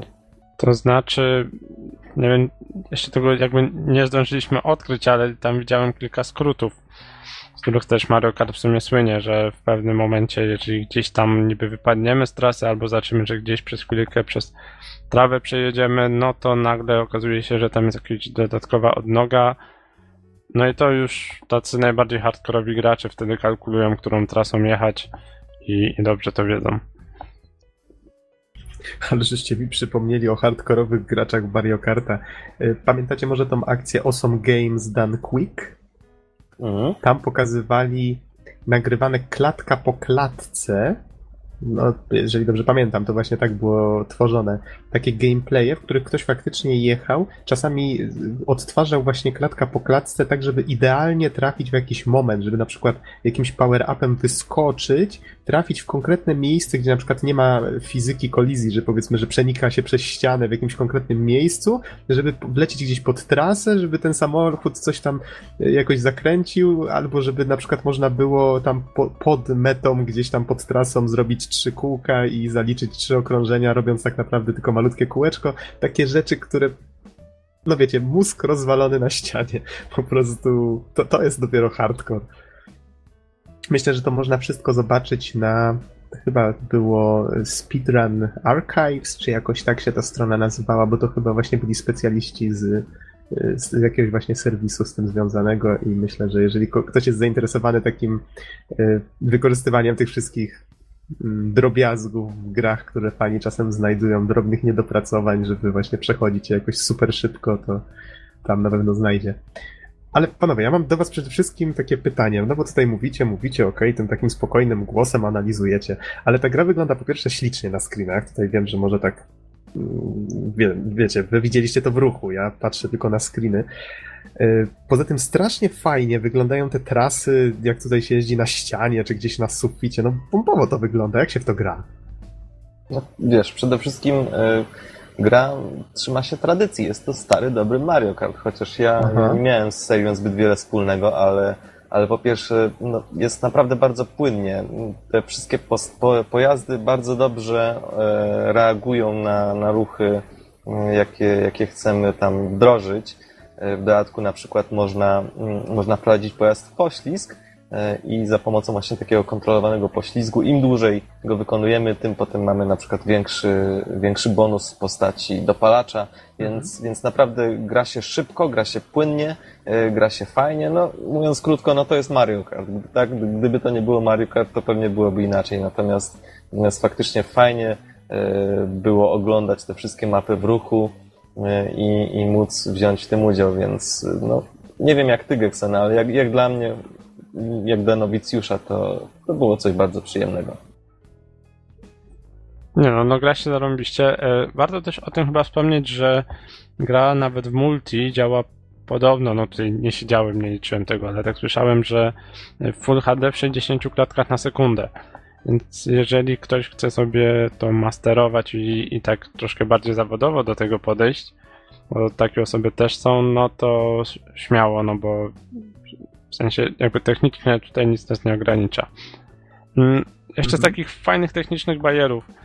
E, sterowanie przy pomocy przechylania gamepada i to nieważne czy korzystamy z dużego naszego tabletu, czy przy pomocy tego starego kontrolera od Wii U możemy sterować naszym go-kartem poprzez przekręcanie. To dla tych osób, które bardziej się nastawiają na fan. A, a właśnie, czy w jaki sposób jest wykorzystany Padlet, czyli ten e, pad z ekranem? A właśnie nie. Dlatego, że w sumie wszystko odgrywa się na telewizorze, który jest podzielony, natomiast na padlecie e, miałem większość ekranu zajmował taki duży przycisk e, z takim logiem swojej postaci. Jak się go nacisnęło, to po prostu był klakson w aucie. Teraz, oprócz tego, mm, oprócz tego był jeszcze, był jeszcze fragment na minimapkę, i jeszcze coś innego. W każdym razie to były elementy poboczne, a, a tym właśnie głównym był ten klakson. Mhm, czyli tak troszeczkę standardowo. No nadal mam cichą nadzieję, że Nintendo nas trochę zadziwi jakimiś pomysłami na E3. Ja wiem, że akurat tutaj nie ma co na siłę dokładać do Mario Karta czegoś e, specjalnie w tym padlecie, prawda? Bo już same te pomysły z tymi trasami myślę, że tutaj sporo fajnego dodają. Nie, nie było czegoś takiego chyba wcześniej, nie? Takim jeżdżeniem po ścianach, sufitach i innych takich. Nie, znaczy, nie. Wiesz, jeszcze, jeszcze no, fajne jest, samo że, sobie jest fajne. Fajne jest to, że te trasy naprawdę potrafią się tak fajnie zakręcać. W sensie nie do końca zgodnie z prawami fizyki, ale, ale nie widziałem jeszcze tego wszystkiego, więc, więc byłbym ostrożny tutaj. Chociaż mm -hmm. wszystkie grafiki, grafiki promocyjne wyglądają tak, że powiedzmy, no nie wiem, Mario jedzie na drodze, która biegnie do góry nogami nad drogą, pod którą jadą, pod na którą jadą resztę, reszta postaci. No, no zakręciłem tak, się, zakręciłem się, ale wiadomo o co chodzi. o co chodzi. E, natomiast, no, tak to fajnie wygląda, fajne mają pomysły i, no, tak jak powiedziałem, to jest Mario Kart e, i trzyma się swojej tradycji, dodając nową mm -hmm. cegiełkę. No okej. Okay. Okej, okay, ja też się nie przyglądałem tym trasom pod kątem, czy one są spójne fizycznie. Pewnie tak, choć no w sumie ciężko to zweryfikować. Gra tak szybko zasuwa, że nie rozglądacie się naokoło, tylko patrzycie w co, nie, w co uderzyć, a w co nie. E, tak, może jeszcze dorzucę, że to, że możemy pojechać po ścianie gdzieś zamiast normalnej trasy, takiej po ziemi, często ratuje nas przed jakimiś przeszkodami. Przynajmniej tyle na razie widziałem, że były te tom-tompy, czy jak to się nazywało, takie wielkie cegły spadające. Mm, no i poprzez przejechanie po ścianie można było je bez problemu ominąć. Mhm. No okej, okay, to powiedzcie w takim razie, czy jak chcecie coś jeszcze dodać do tych pierwszych wrażeń, czy polecacie, myślę, to jest tutaj kluczowe grę. Ile ona kosztuje w tej chwili? Tak wiem, niebezpieczne pytanie, ale... E, szczerze, nie pamiętam dokładnie. To, to są dwie było... edycje. Aha. Jedna jest z tym dużym e, trofeum jakby, a druga jest taka zwykła. Czyli jedna jest taka jakby bardziej kolekcjonerska. Już patrzę na Ultimie. Chyba, że wy w międzyczasie czymś słuchaczy zagadacie. Nie, nie, wrzucimy jakąś melodyjkę z Mario czy coś. Tam, tam, tam, tam, tam, tam, tam, tam. Tam, tam, tam, Trochę fałszujemy. Okej, widzę, że mhm. tak, plus ta edycja limitowana w tym momencie 250, a edycja zwykła, nie widzę edycji zwykłej niestety. Pewnie coś koło 200. Czyli jeszcze raz, ile tamta kosztowała?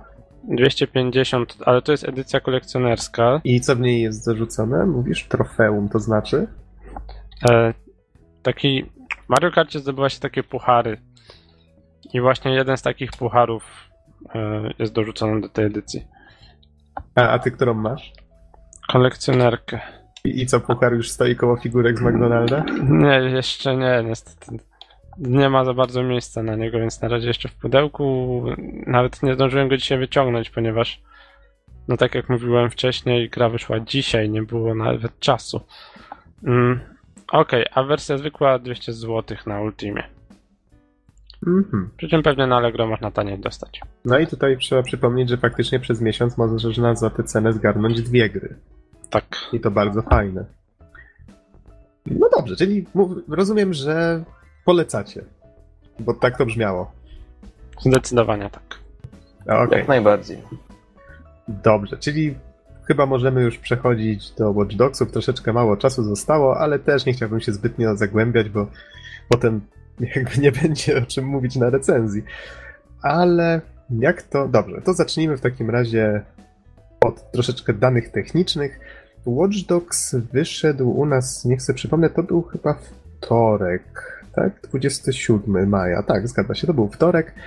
Y, gra wyszła też, mm, no właśnie, na co ona wyszła? Na PC, PS3, PS4, Xboxa 360, na One i na Wii U, przy czym na Wii U ma wyjść dopiero w czwartym kwartale 2014.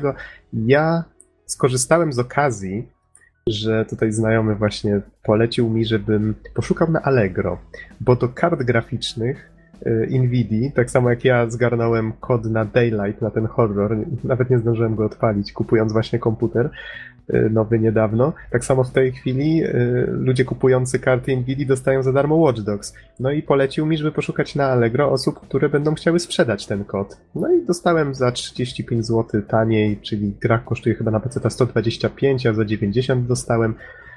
Co prawda powiem wam, że jak po tym pierwszym pokazaniu tej gry na, to było chyba E3 w 2012, już nie pamiętam dokładnie, gra tutaj była pokazana jako coś w rodzaju takiego mm, takiej gry TPP, w której możemy hakować otoczenie, czyli tutaj albo e, wyłączyć prąd, albo te światła na, na przejeździe, e, na skrzyżowaniu, znaczy się zrobić wszystkie zielone i tak dalej, czyli wpływać jakoś na otoczenie.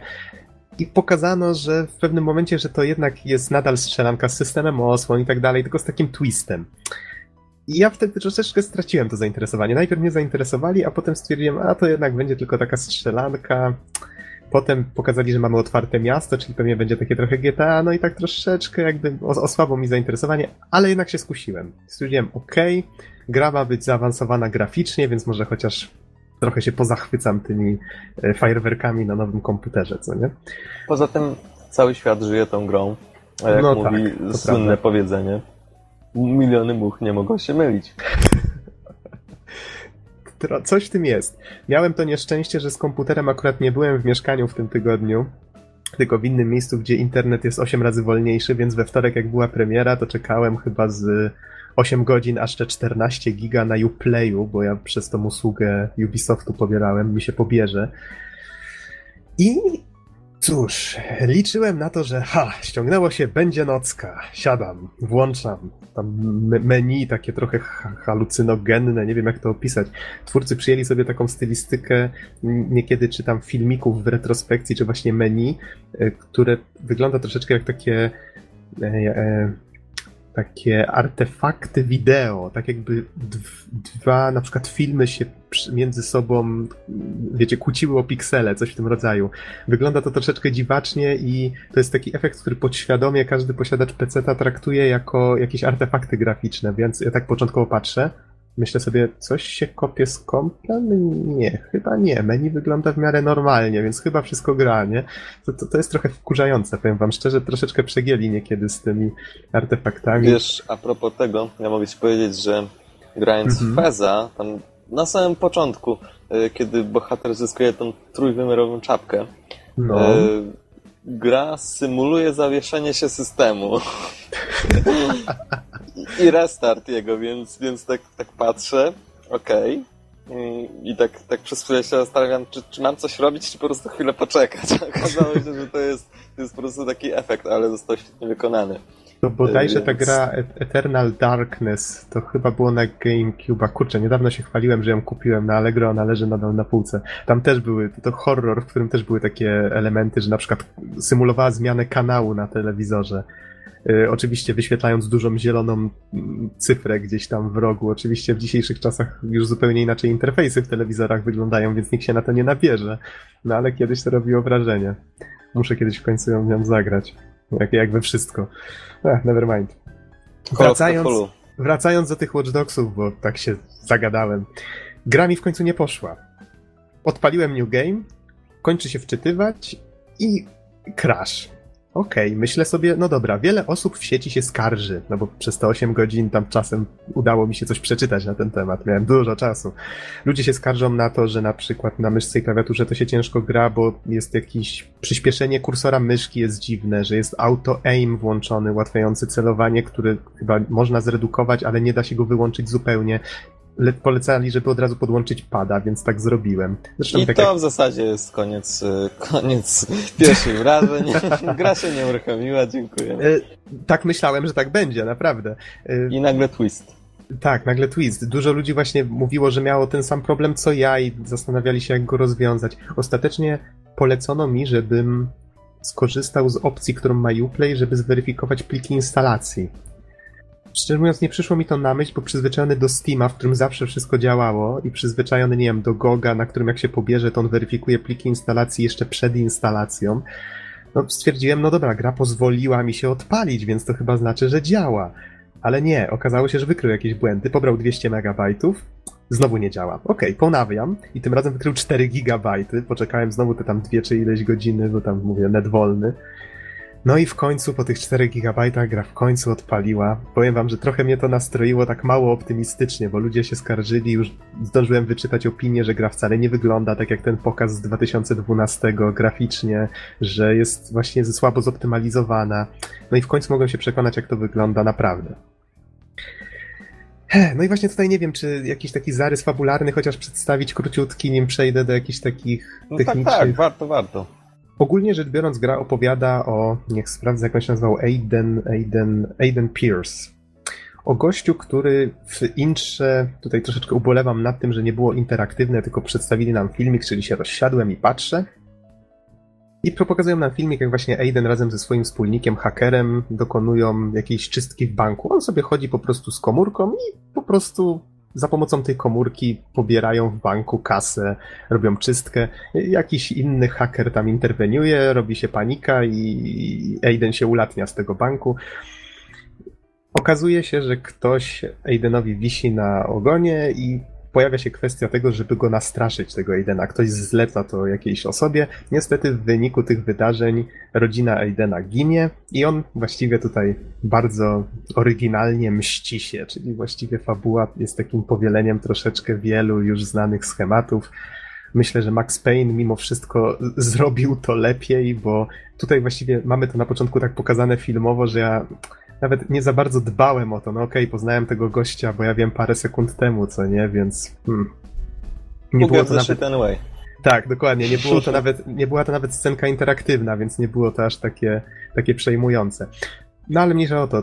Początek gry to jest akcja na stadionie, gdzie Aiden właściwie znajduje już tego gościa, który brał udział w tym zamachu i, i go przesłuchuje Tutaj poznajemy jeszcze drugą postać, osobę takiego gangstera, którego Aiden wynajmuje, żeby mu pomagał. Właściwie uznałem, że to jest dużo ciekawsza postać nawet od samego Aidena. Koleś ubrany w, e, taki Azjata bodajże, ubrany w garniaczek, rzuca różnymi zabawnymi tekstami, e, pozoruje jakby tutaj mnóstwo ciał leży po tym, jak Aiden tam się próbował przedostać do tego gościa wcześniej. My nie byliśmy świadkami tej sceny. On tam już bierze te ciała, układa w różne tam pozy i tak dalej. Rozmawiamy z nim. On mówi, słuchaj Aiden, ty nie doceniasz całego dramatu sytuacji, które próbuje tutaj zbudować, co nie? Bierze jednemu trupowi, wkłada pistolet do ręki, strzela w drugiego trupa i mówi, o, dobrego masz cela, chłopie, nie? I to, to, tak patrzysz i cholera, ta postać jest dużo ciekawsza niż ten cały Aiden, nie?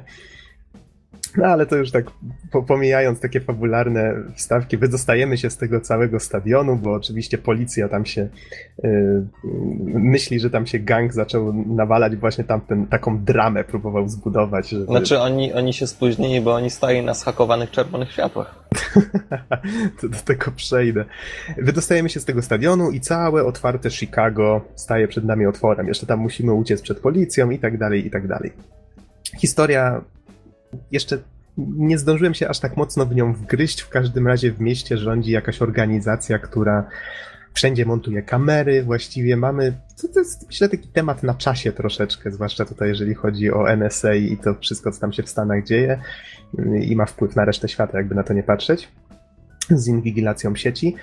No to tutaj mamy Chicago, w którym jest mnóstwo kamer, ludzie właściwie są obserwowani na każdym kroku, pojawiają się w historii takie takie wstawki, mm, na przykład, no tam inwigilujemy różne miejsca y, należące do tej organizacji, na przykład hakujemy ich serwery i się dowiadujemy, że oni tak na dobrą sprawę to przez różne urządzenia umiejscowione w domach ludzi obserwują codzienne życie wszystkich obywateli, czyli tutaj właściwie taka totalna inwigilacja. I my się stajemy takim mając te takie osobiste pobudki na zasadzie zemsty za, za śmierć rodziny, mamy tutaj też właśnie ten wątek bycia takim zamaskowanym, ostatnim sprawiedliwym. Na zasadzie, że my też właściwie nadużywamy prywatności wszystkich, których mijamy, bo my mamy tą swoją komórkę. Właściwie nie wiem, dlaczego Aiden jest tutaj nazywany jakimś super hakerem, bo on właściwie nie widziałem, żeby on cokolwiek hakował. On tylko chodzi z komórką, którą ktoś mu dał i tam coś, wiecie, jakieś ma haki czy coś takiego i tylko naciska przycisk i się rzeczy dzieją wokół, co nie? On równie dobrze mógłby się w ogóle na tym nie znać. No, ale to szczegół. Facet w ogóle mm, właśnie chodzi z tą komórką i przy mijanych osobach pojawiają się informacje na ich temat, że o, ten na przykład jest dawcą krwi, ten na przykład ma takie i takie oceny w szkole, takie urywki jakby z ich życiorysów, czyli właściwie koleś mm, chodzi, podsłuchuje na przykład rozmowy, z tych rozmów można na przykład wywnioskować, że jakiś koleś rozmawia z jakimś bandziorem, który gdzieś zaraz dokona morderstwa albo coś okradnie i my możemy na przykład pojechać na miejsce i mm, na, te, te, temu nie dopuścić do tego, żeby to przestępstwo y, zakończyło się sukcesem. I temu tak dalej. przestępstwu zaradzić. Tak, czy, czyli kierujemy takim, tak jak mówię, takim, Zorro, takim Zorro, tro, takim zamaskowanym Zorro troszeczkę. Właśnie, Mam, jak dostajemy... to jest z tą maską? Można ją Aha. po prostu założyć. Tak? Bo on ma taką, taką, szmat, taką ścierkę ma po prostu, szmatkę, którą może po prostu, czy chustę, Wiesz, wydaje którą mi się, może że on, sobie na twarz on założyć. Te chustę, on tę chustę chyba automatycznie w konkretnych momentach zakłada. Son Takie mam wrażenie. Zauważyłem, że on jej nie ma, jak na przykład rozmawia z, z osobami, czy chodzi na przykład sobie po prostu po ulicy, ale może później zwrócę uwagę. On chyba jak zaczyna się akcja, jakaś strzelanina czy coś, to on chyba ją po prostu Przepraszam, on po prostu zakłada. Zróbmy to staroszkolnie. I tu właśnie a propos strzelanin, gra jest po prostu zwykłym GTA, nazwijmy to po imieniu, w którym jest ten cały twist z kontrolowaniem otoczenia. Czyli możemy na przykład jadąc samochodem, pojawia się taki całkiem intuicyjny interfejs, w którym jak się zbliżamy do świateł, to mamy przytrzymaj y, tam tutaj X na przykład, tak, na tym, na tym padzie od Xboxa, czy, czy tym padzie, który udaje pada od Xboxa, jak w moim przypadku. Naciśnij ten X, żeby te światła zmieniły się na zielone i wtedy wszystkie samochody ruszają jednocześnie i powodujemy karambol. W zależności od tego, kiedy to uaktywnimy, to możemy na przykład sprawić, że pościg za nami uderzy w te auta. Albo możemy podnieść lub opuścić most, przed nami. Taki sam efekt uzyskamy. Z czasem odblokowujemy za punkty doświadczenia przeróżne inne umiejętności. One są związane z hakowaniem, czyli możemy nowe rzeczy na przykład hakować, wysadzać rury z gazem i tak dalej, co i tłumaczą to w ten sposób, że że wszystko w tej chwili na świecie działa na różnych chipach, które można przeciążać, czy, czy whatever. To jest, nie wiem, dla mnie to jest jedna wielka bajka, ale no, no powiedzmy, że działa pod kątem gameplayu, więc po co się czepiać, nie? Mm, odblokowujemy rzeczy związane z skierowaniem, czyli mamy tu nowe umiejętności, na przykład to, że możemy włamać się do samochodu bez zbijania szyby. Po prostu naciskamy sobie guzik na komórce i, I samochód... I przeciążamy chip. No, co, cokolwiek. Ważne, że samochód, samochód robi pik-pik, yy, otwierają się drzwi, jej, witaj w domu, nie, Aiden. No, związane z krawceniem, bo możemy tutaj na miejscu, mając odpowiednie części, wykrawcić sobie na przykład czujkę, czy, czy coś, znaczy nie wiem jak to nazwać, coś w rodzaju takiego urządzenia, że możemy je rzucić, jak granat, przykleja się do ściany i to jest fajny patent. Możemy hakować kamery, też oczywiście totalna bajka. Na takiej zasadzie, że jeżeli ją widzimy, to trzymamy ten X, pojawiamy się w oczach tej kamery, obserwujemy otoczenie i z tej kamery, jeżeli zobaczymy inną kamerę, możemy ją też przejąć. I tak wędrujemy tymi kamerami między sobą i możemy na przykład z tych kamer hakować inne rzeczy. Czyli tak jakbyśmy, wiecie, fruwali swoją duszą tutaj w cudzysłowie między różnymi elementami. I możemy w ten sposób, no nie wiem, na przykład schakować granat, który ktoś ma przypięty do paska, żeby eksplodował oh, za parę sekund, nie? No właśnie mówię, to jest jedna totalna bajka, już nie przejmujmy się tym aż tak dokładnie. Yy, I możemy na przykład tą czujkę przyklejoną wcześniej do ściany, wykrawconą też włączyć i ona wtedy na przykład zaczyna pikać czy coś i, i, i ludzie zaczynają się interesować, co to tam jest i oni akurat stają na kratce wybuchowej z rurą z gazem, wysadzamy to i jest wybuchowo. Wiem, że brzmi to strasznie głupkowato, ale muszę przyznać, że czasami zdarzało się, że była jakaś akcja, na przykład, gdzie było takie pole bitwy niewielkie przygotowane, jacyś gangsterzy yy, właśnie wjechali, zatarasowali przejście, właściwie odcięli mnie od wyjścia i musiałem właśnie latać, strzelać, a trzeba wiedzieć, że Aiden to nie jest taki hacker. Hacker to jest po prostu totalny zabijaka, tak jak w większości gier niestety, taki wiecie, totalny właściwie morderca totalny, bo jak dasz mu karabin do ręki, to on sobie radzi jak Nathan Drake połączony z Hitmanem i... I bo... szefem Saints Row. Tak, dokładnie. On po prostu, to, to jest facet od wszystkiego. Jeden wielki bandzior, który potrafi hakować wszystko, potrafi gościowi pałką przyłożyć, e, zastrzelić właściwie bez zmrugnienia okiem. No to jak inaczej gościa nazwać, nie? Tak troszeczkę... No właśnie Aiden. Tak właśnie troszeczkę szkoda, że to nie jest gra o takim gościu, który musi sobie radzić hakując. Że on nie jest powiedzmy zabójcą, mordercą, co nie? Że, że on musi powiedzmy tym, intelektem sobie jakoś radzić, ale wydaje mi się, że Ubisoft stwierdził, że to by się po prostu nie sprzedało i zrobili takie GTA, tylko że z dodatkowym twistem. I to, czy albo się komuś to spodoba, albo nie. No, według mnie to jest fajne, fajnie się w to gra, ale dupy mi nie urwało, że tak powiem. No, że się tak wyrażę. Ale gra się to całkiem przyjemnie.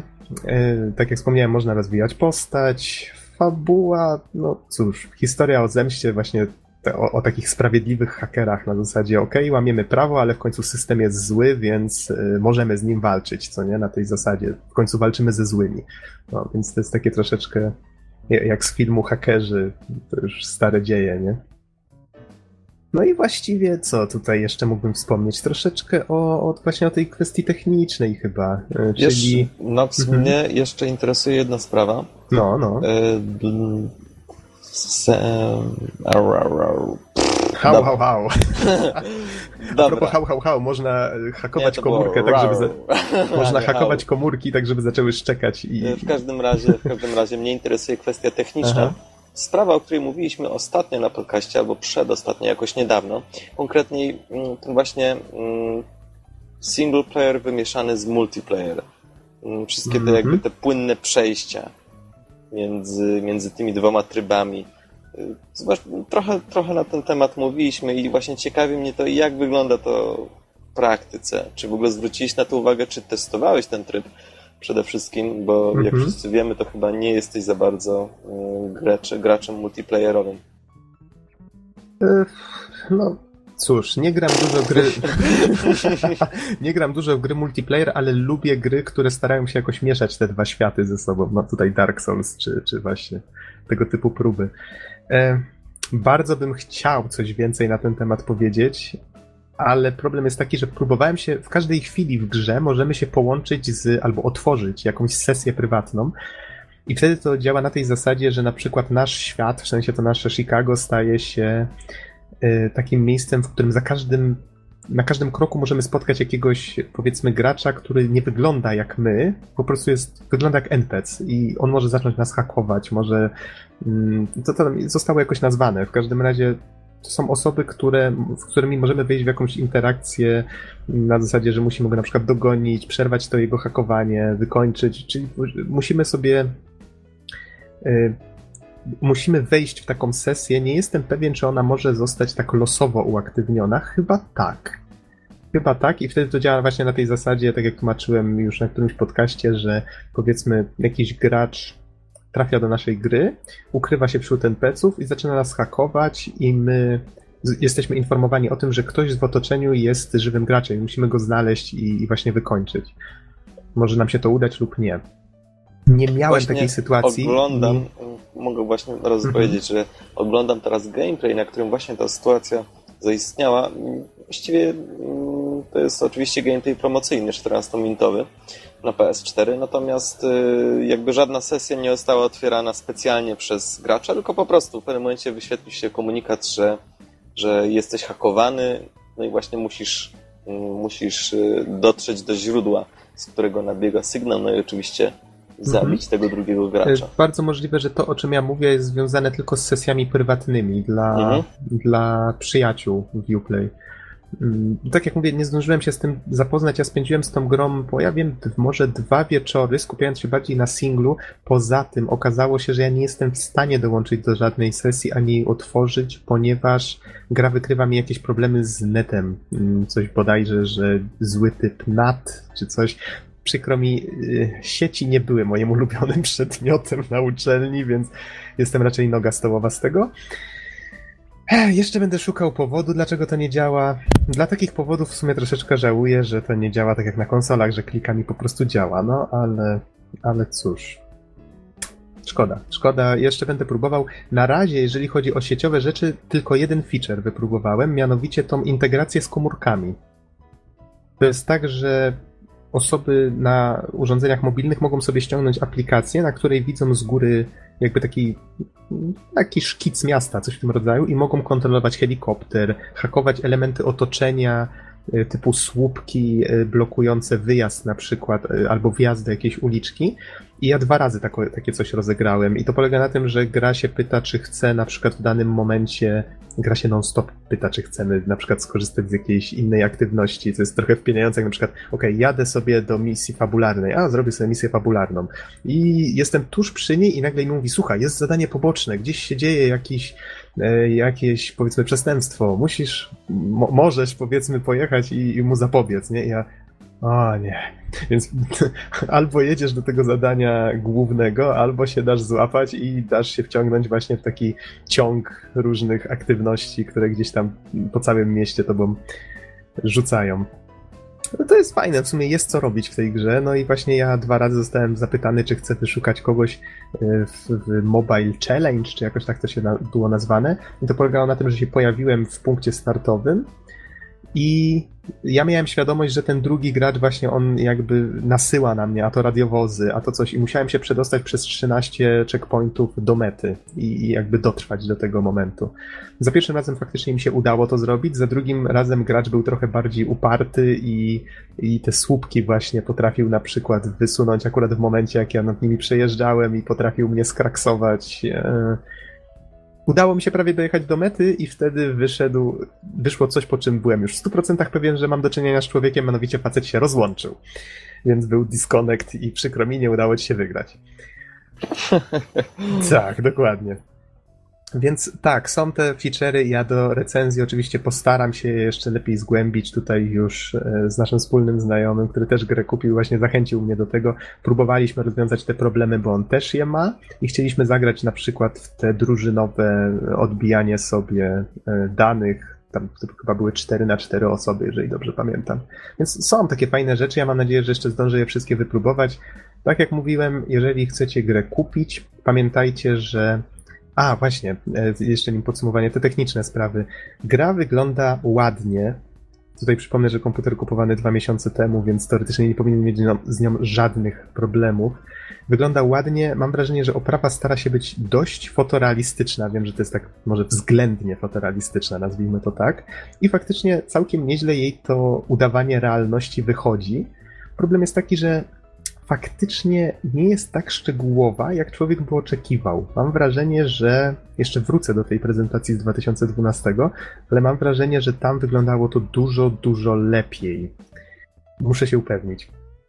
W każdym razie gra wygląda i tak ładnie. Problem jest taki, że faktycznie jest słabo zoptymalizowana i nawet na moim sprzęcie, chociaż działam na najwyższych ustawieniach, nie licząc tekstur, do których potrzeba 3 GB pamięci na karcie graficznej, a tylu aż nie mam, więc na najwyższych ustawieniach od tekstur nie działam, ale gra potrafi ostro chrupnąć w momentach, jak coś doczytuje. I to widać po prostu strasznie. Na przykład podjeżdżamy do budynku, gdzie zaraz mamy mieć misję. Slow motion. Albo powiedzmy, przejeżdżamy dwa skrzyżowania i mamy takie lekkie chrupnięcie, albo mniej niż lekkie, że coś się tam doczytało. Być może będę później eksperymentował jeszcze z ustawieniami, patrzył, ale z tego co widzę w necie dużo osób skarży się na to, że na słabszych ustawieniach na przykład samochody się respawnują powiedzmy tuż przed, e, tuż przed graczem, albo że komuś na przykład NPC się pojawiały w miejscu, gdzie zaparkował samochód, czyli wtapiały się w ten samochód. No różne takie, takie rzeczy. Ja akurat takich problemów nie miałem, więc to pewnie zależy od sprzętu. Ty miałeś trochę inny. Hej Nox, co robisz? A, przechrupuję się na drugi koniec miasta. Zdarzały mi się takie sytuacje, ale ogólnie rzecz biorąc, no grało się całkiem, gra się całkiem przyjemnie, no może tak. Gra raczej tyłka mi nie skopała. Gameplay jest raczej standardowy z takim ciekawym twistem, z tym hakowaniem. No, podoba mi się, ale nie jest to coś takiego nadzwyczajnego. No, może tak. Jeżeli komuś się podoba GTA, i raczej szedłby właśnie w takie... Komuś. E, dobra, to było głupie stwierdzenie. Wszyscy fani GTA, którzy idą w stronę takich bardziej realistycznych gier tego typu, a nie na przykład Saints Row, ich drażni to, że tam ktoś może latać z kondomem po mieście, tylko tutaj wolą na przykład... Nie, nie z kondomem, tylko z gigantycznym dildo, który łączy w sobie śmieszność erotycznej zabawki i siłę e, kija baseballowego. Cytując, okay. raczej parafrazując opis tej broni z Saints Row. Okej. Okay. to w każdym razie Watch Dogs idzie właśnie w stronę takiego, odniosłem wrażenie, takiego bardziej filmowego przedstawienia rzeczywistości, taki stara się być bardziej realistyczny, no fizyka samochodów, tam wiecie, wybuchy, inne takie, to, to, na to wszystko otoczenie reaguje tak w miarę realistycznie, fajnie to wygląda. Myślę, że jak ktoś właśnie tak, tak lubi tego typu klimaty, i dążenie do takiego bardziej realistycznego przedstawienia świata w grach, to, to może się spodobać. No. No i cóż, i mimo wszystko z tych pierwszych wrażeń wyszła taka mini recenzja, chociaż tutaj oczywiście przypominam, że to dopiero było po jakichś dwóch wieczorach spędzonych z grom, więc jeszcze może znajdą mnie jakieś, jakieś myśli z tym związane. Jeżeli ktoś chciałby kupować, planował kupować, to mimo wszystko radzę się rozeznać w sieci, czy ktoś z podobnym sprzętem nie ma problemów, bo tutaj różnie ludziom, różnie ludzie piszą jeżeli chodzi o, o wersję PC-tową. Tutaj ni niestety skarg jest dość sporo, więc warto się rozeznać, może poczekać na jakieś patche. No, w każdym razie zbadajcie temat przed kupnem, żeby się tutaj nie, nie, nie przejechać. Chyba żadnego demka niestety nie było, więc nie wiem, czy można to przetestować. I to właściwie tyle. Myślę, że nie ma co przedłużać zbędnie. Panowie, czy macie jakieś pytania? Ja myślę, że temat został wyczerpany na teraz. Chyba, że mhm. Ma jeszcze jakieś przemyślenia. Nie, nie, ja już to zmęczenie w głosie. No dobrze, panowie, w takim razie myślę, że kończymy. W takim bądź razie dziękujemy wszystkim bardzo za uwagę i do usłyszenia w następnym odcinku. Trzymajcie się. Cześć. Na razie.